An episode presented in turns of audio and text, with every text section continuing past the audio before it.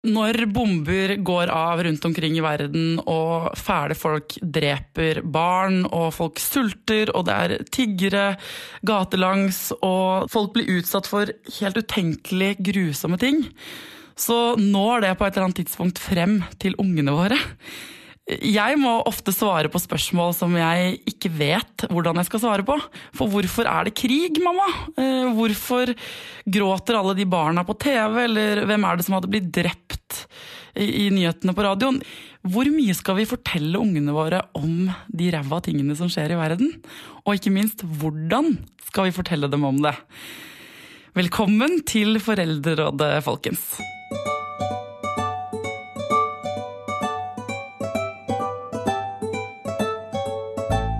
Hjertelig velkommen til Foreldrerådet, Bianca Simonsen. Tusen takk for at jeg fikk lov til å komme. Eh, du er barnevernspedagog, forfatter og foredragsholder. Og i dag lurer jeg på hvor mye skal vi fortelle ungene våre om det som skjer i verden? Av fæle ting. Ikke sant? Og det der er et veldig aktuelt spørsmål. Jeg tror veldig mange foreldre stiller seg det spørsmålet. Og så tror jeg at eh, svaret en vanligvis gjør, er at jeg forteller minst mulig.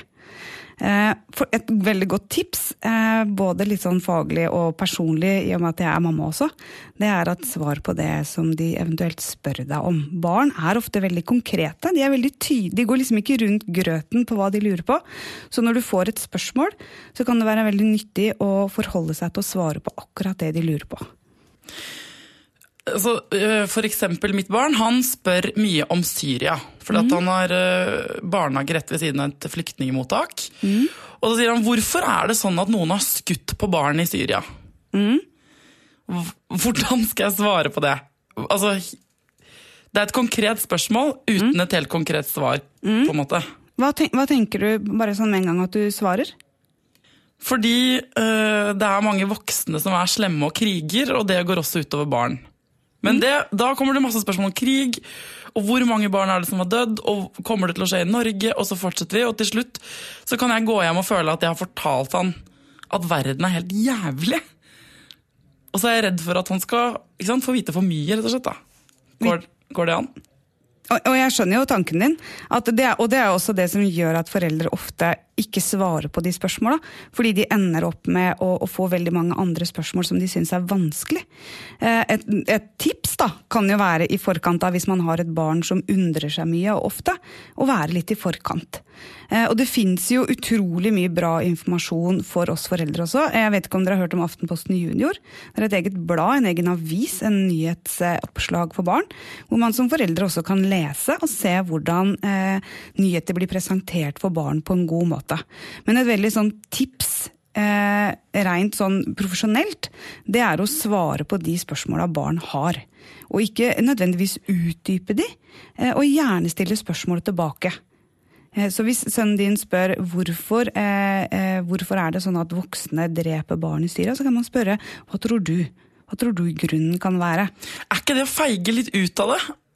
Ja, jeg tenker ikke det. for Tenker du at du har et, et, et svar med to streker under? Nei. Og da, og, da, og da, handler det igjen om perspektiver. da, ikke sant? At vi foreldre også må være eh, åpne for at det fins ulike svar på, på ulike på måte, ting og tragedier. da. Jeg ville jo vært veldig nysgjerrig hvor, hvor kommer undringa fra? Det Barnet stiller jo et spørsmål fordi at de lurer på noe. Og hvorfor lurer de på akkurat det? Så man skal ikke beskytte dem eh, fra det da, og holde nyheter og sånn unna dem til en viss alder? Det tror jeg eh, ikke vi får til. Eh, jeg tenker at barn i dag er eksponert for, for radio. Eh, bare tenk når de står i køen på Kiwi eller på Rema, eh, hvilken høyde er det VG og Dagbladet er? Det er jo rett i barnehøyde. Det er rett og slett det eneste barnet ser i, når de står i kassa, bortsett fra hvis de vokser fem centimeter til, så ser de tyggis. Ellers er det VG og Dagbladet Aftenposten. Så de blir jo eksponert for, for disse nyhetene hele tida. Eh, jeg er jo på en måte opptatt av at vi voksne skal være sammen med dem i nyhetsbildet, f.eks. nyhetene. Opplever du å ha et barn som ønsker å se på nyheter, så tenker jeg at eh, da eh, er det en veldig gyllen, eller en god mulighet til å kunne gjøre det sammen med barnet ditt. Altså sitte sammen og se på nyhetene. Sånn at man også kan fange opp hvis barnet viser at det, det blir bekymra for noe eller lurer på noe. Hver foreldre må jo avgjøre sjøl om en opplever at barnet er modent nok for det. Eh, men har barnet en undring, så vil det søke informasjon. Og det er det veldig vanskelig for oss eh, voksne og foreldre, iallfall i dagens eh, webbaserte samfunn, å begrense. Så har du et nysgjerrig barn, så vil jeg jo anbefale deg å utforske verden sammen med barnet, istedenfor å overlate det til seg selv og til internett. Det har vært mange overgrepssaker for eksempel, i det siste. Mm. Eh, og der har også mitt barn fanget opp da, på radioen at det har blitt snakka om overgrep. Og så hørte han hva er det han har gjort med en på fire år, eh, sa han til meg. Og da måtte jeg jo fortale, eller fortalte jeg jo han eh, om det. Og så sa han hva, men hva har han gjort med kroppen sin mot en gutt på fire år? Og da kjente jeg at det er et konkret spørsmål jeg ikke ikke kan svare på. Mener du der at jeg får Det er et sted det går en grense, tenker jeg. Eh, men det kan hende ta feil, altså. Hvor vi ikke skal gå inn i detaljer på akkurat hva som har foregått, for å ikke male de bildene jeg, jeg, er opptatt av at det, er, det, viktigste er på en måte det store bildet, og ikke nødvendigvis detaljer. Men hvis barnet ditt gjentatte ganger spør, etterspør en detalj, så skal du jo vite at hvis ikke du svarer på det, så vil mest sannsynlig fantasien til det barnet være verre enn virkeligheten. Så, så, og, og, det er jo også selvfølgelig lov å si, si, til barna at vet du hva, dette her må jeg finne ut mer av. vet du hva, det, Jeg vet ikke svaret på det, vil du at jeg skal finne det ut? Eh, og komme tilbake. Det er også en gyllen mulighet. Det er jo ikke sånn at vi voksne er et oppslagsverk i oss sjøl og har all verdens erfaring og, og kan alt eller vet alt. Eh, da er det også en gyllen mulighet til å vise seg som en voksen som ikke kan alt. Og se at vet du hva, jeg kan gjerne finne det ut for deg, eller vi kan snakke mer om det siden. Men da må jeg, da må jeg, inn, da må jeg få den informasjonen, for det vet jeg ikke. Hva skjer hvis man ikke øh, hvis man tenker, jeg, Barnet mitt skal ikke vite om de kjipe tingene som skjer rundt i verden. Eh, jeg kommer ikke til å ta opp dette med mitt barn. Det føler jeg at ganske mange tenker. tenker ja, jeg hører at vi skal snakke om noe sånt, men jeg syns det er ubehagelig, og jeg syns ikke barnet mitt skal få Jeg vil beskytte den mot den forferdelige verden vi lever i på mange måter. Mm. Hva kan skje da hvis man ikke snakker om det i det hele tatt? Ja, min erfaring både, både, privat og profesjonelt er at vi er veldig tjent med som foreldre å ruste barna våre mot, mot verden og mot samfunnet. Eh, det er jo ikke sånn at ved å beskytte de, eh, at de blir spart for det.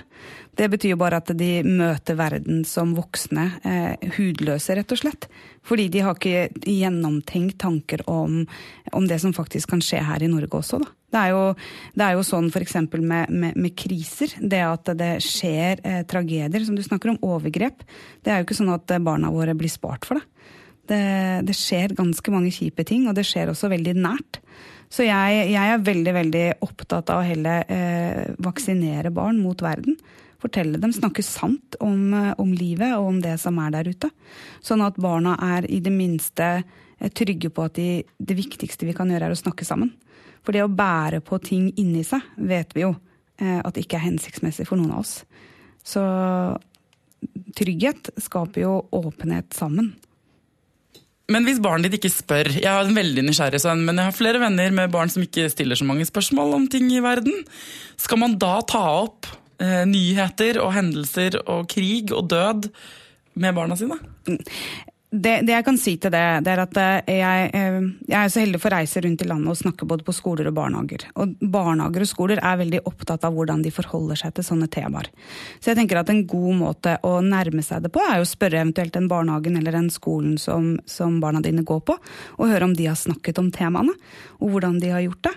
Eh, for jeg, jeg er veldig opptatt av at barn får informasjon om på en måte verden og om hvordan den er. Men en skal jo ikke tvinge på informasjon til barn som ikke undrer seg. Du kan ikke sette deg i sånn 'Her er Syria, se på folk' Altså, Du kan ikke gjøre det hvis barn egentlig vil leke med Lego, liksom. Nei. Jeg tenker at eh, Den eh, naturlige undringen for samfunnet og verden rundt oss, den kommer barnet inn i når det, når det, er naturlig for det. Så jeg tenker at ikke at vi skal påtvinge barnet informasjon de ikke etterspør. Det er klart det som kan være viktig, er hvis man opplever at barn er veldig unnvikende til temaer. At de eh, ikke vil høre, eller blir, du ser det på hele de at dette er veldig utfordrende for dem. Da tenker jeg at det er viktig å i det minste være litt sånn obs på det.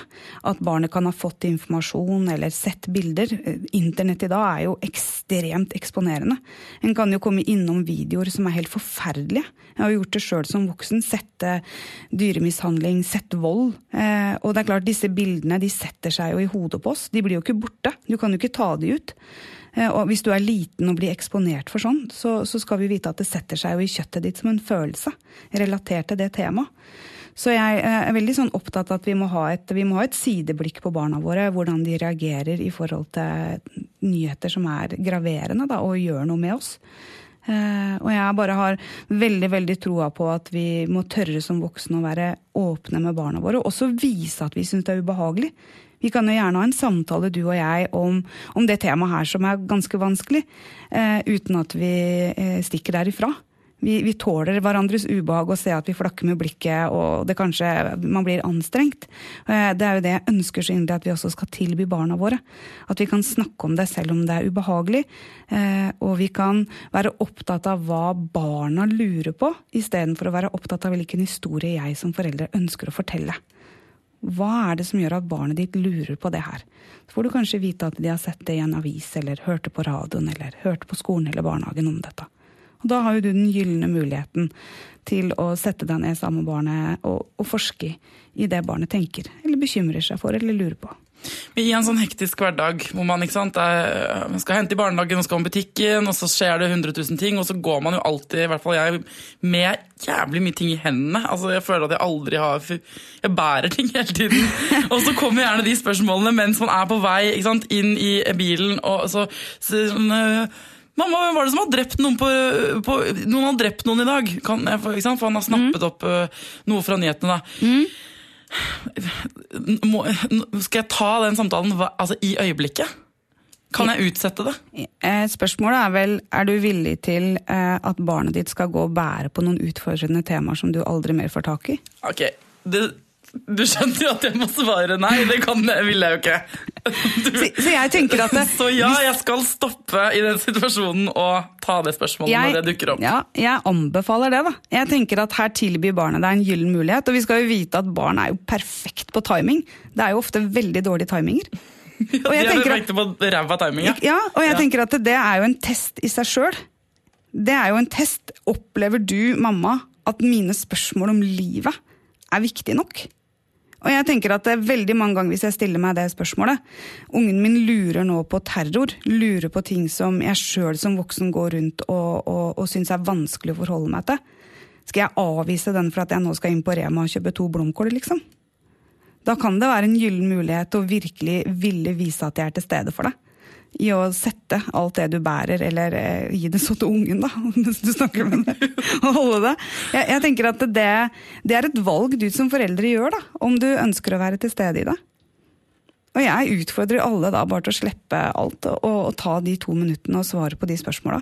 Jeg kjenner jo at det jeg setter pris på hos mennesker, voksne mennesker rundt meg da, hvis jeg har det vanskelig eller lurer på noe, er jo de Hvis du og jeg hadde rusla bort her med kaffekopp og skulle en plass, og så jeg hadde spurt deg du vet hva, jeg lurer så fælt på hva jeg, skal gjøre i jobbsammenheng.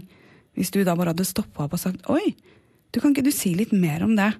Jeg ville jo følt meg veldig beært. Jeg ville jo følt at du var interessert i meg.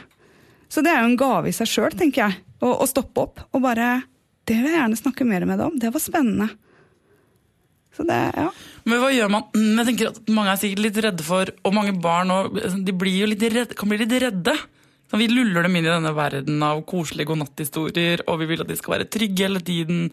Og vi vil jo beskytte dem mot alt eh, som er fælt. Mm. Og ved å fortelle dem at verden er et skikkelig ræva sted ganske ofte, så øh, kan de jo bli redde for uh, krig, da.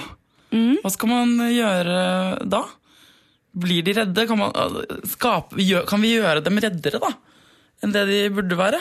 Eh, det der er jo et veldig veldig stort spørsmål. Jeg tror barn blir mer redde ved at vi ikke snakker med dem.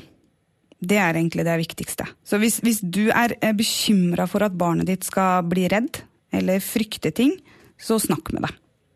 Ikke motsatt. Det er på en måte mitt enkle svar til det. Nettopp fordi at eh, barns fantasi er verre enn virkeligheten. Så uansett hvilken virkelighet du presenterer, så er fantasien til det barnet verre.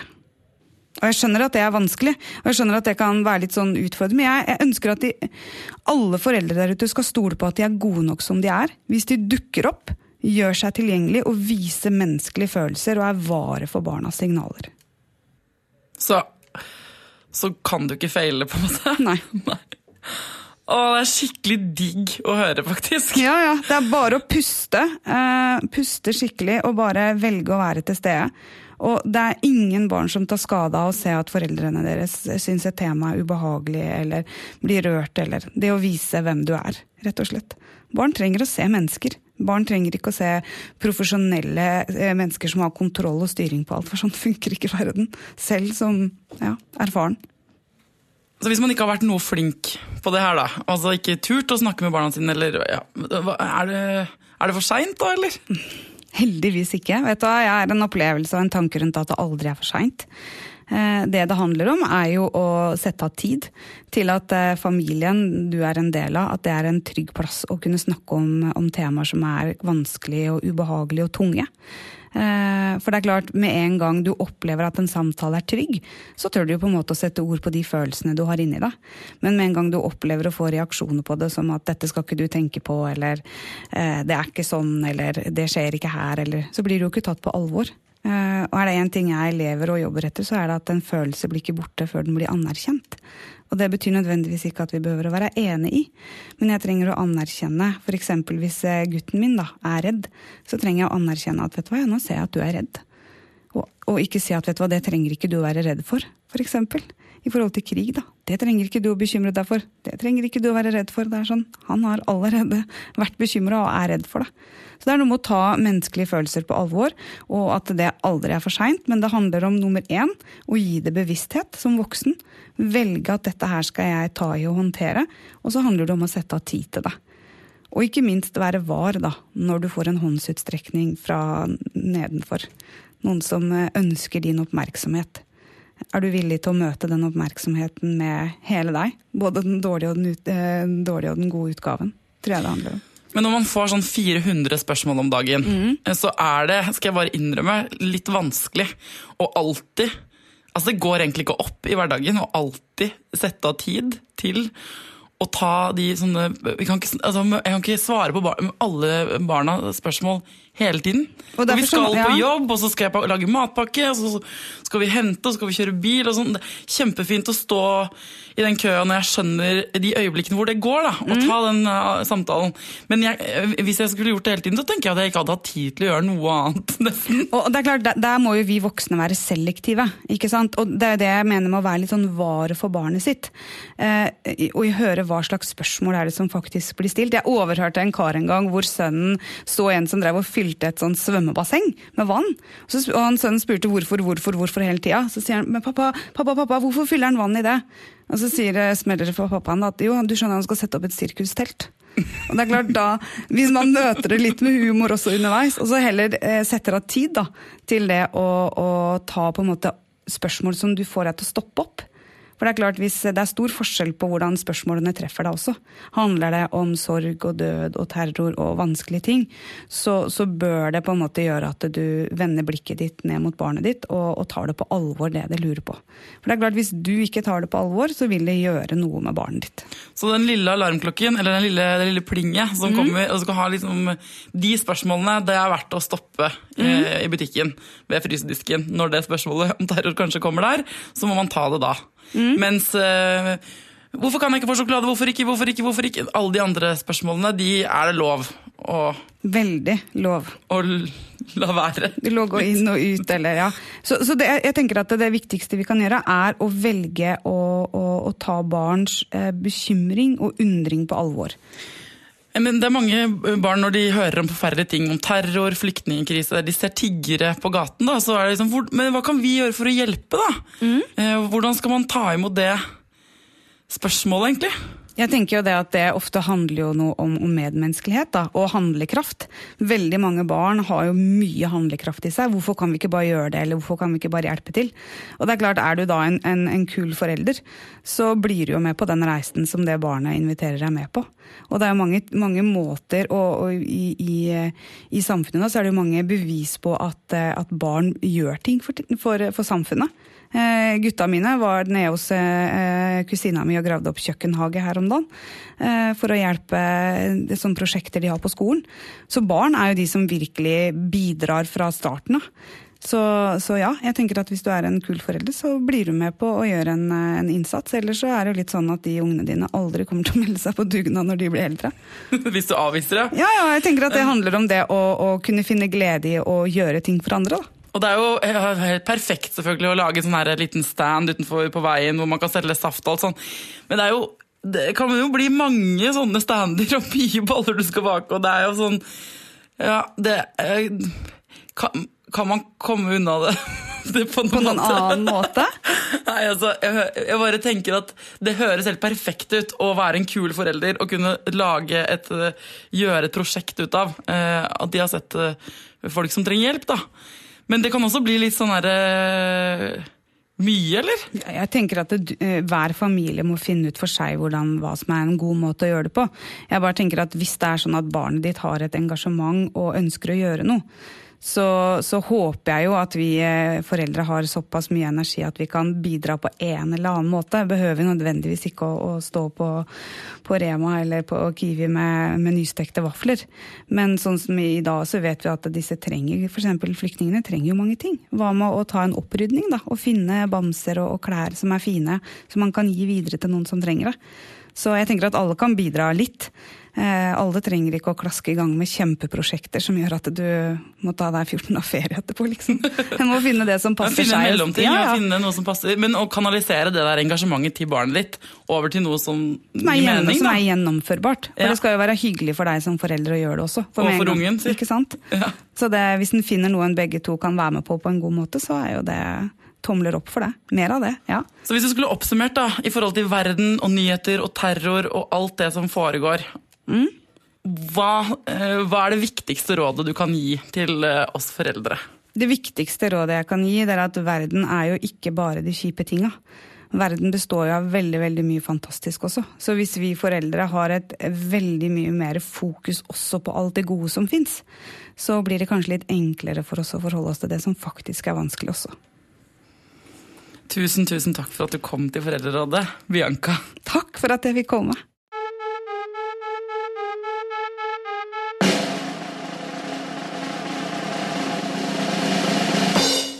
Det er ikke noen tvil om at vi prøver skikkelig hardt å være gode foreldre. Men vi får det jo ikke alltid helt til. Vi driter oss jo ut eh, gang på gang på gang. Og det er litt deilig å innrømme, eh, for da eh, kan man dele historien, og så kan man finne trøst i at andre har ræva dager i foreldrejobben, rett og slett. Det er det Foreldrerådet er til for, denne podkasten. For at vi skal kunne trøste oss med hverandres historier. Nå skal du få høre Gard fortelle om det han dreiv med en stund i oppdragelsen, som viste seg å kanskje ikke være en så veldig god idé.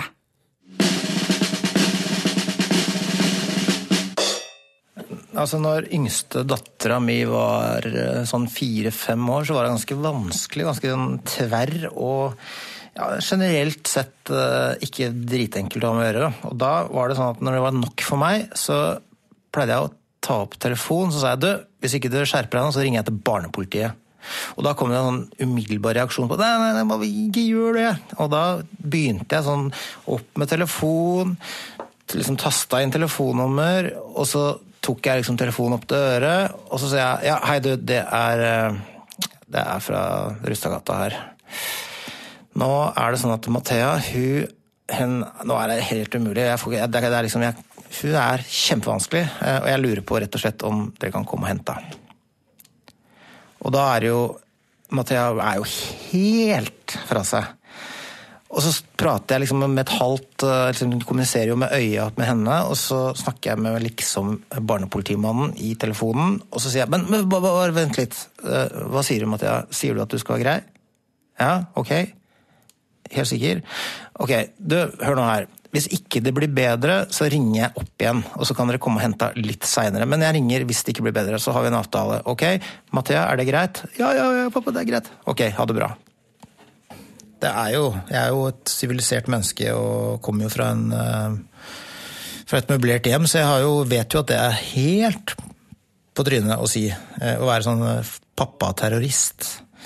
Um, Men altså og at det er klart at man får dårlig samvittighet av å si sånne ting. Du vet jo at det kan jo gi livslange skader. Kanskje til og med blir, blir politihater. Det hadde jo vært fint, på en måte.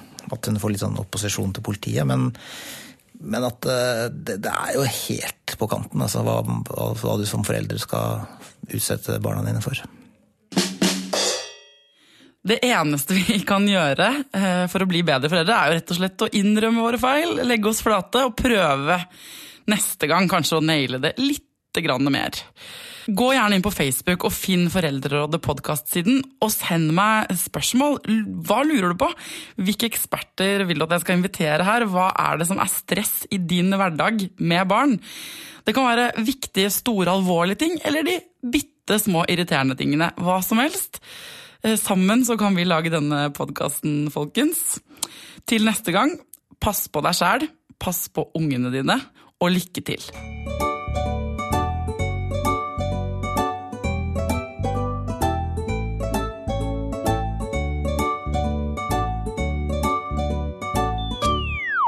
Produsert av Rubicon Radio.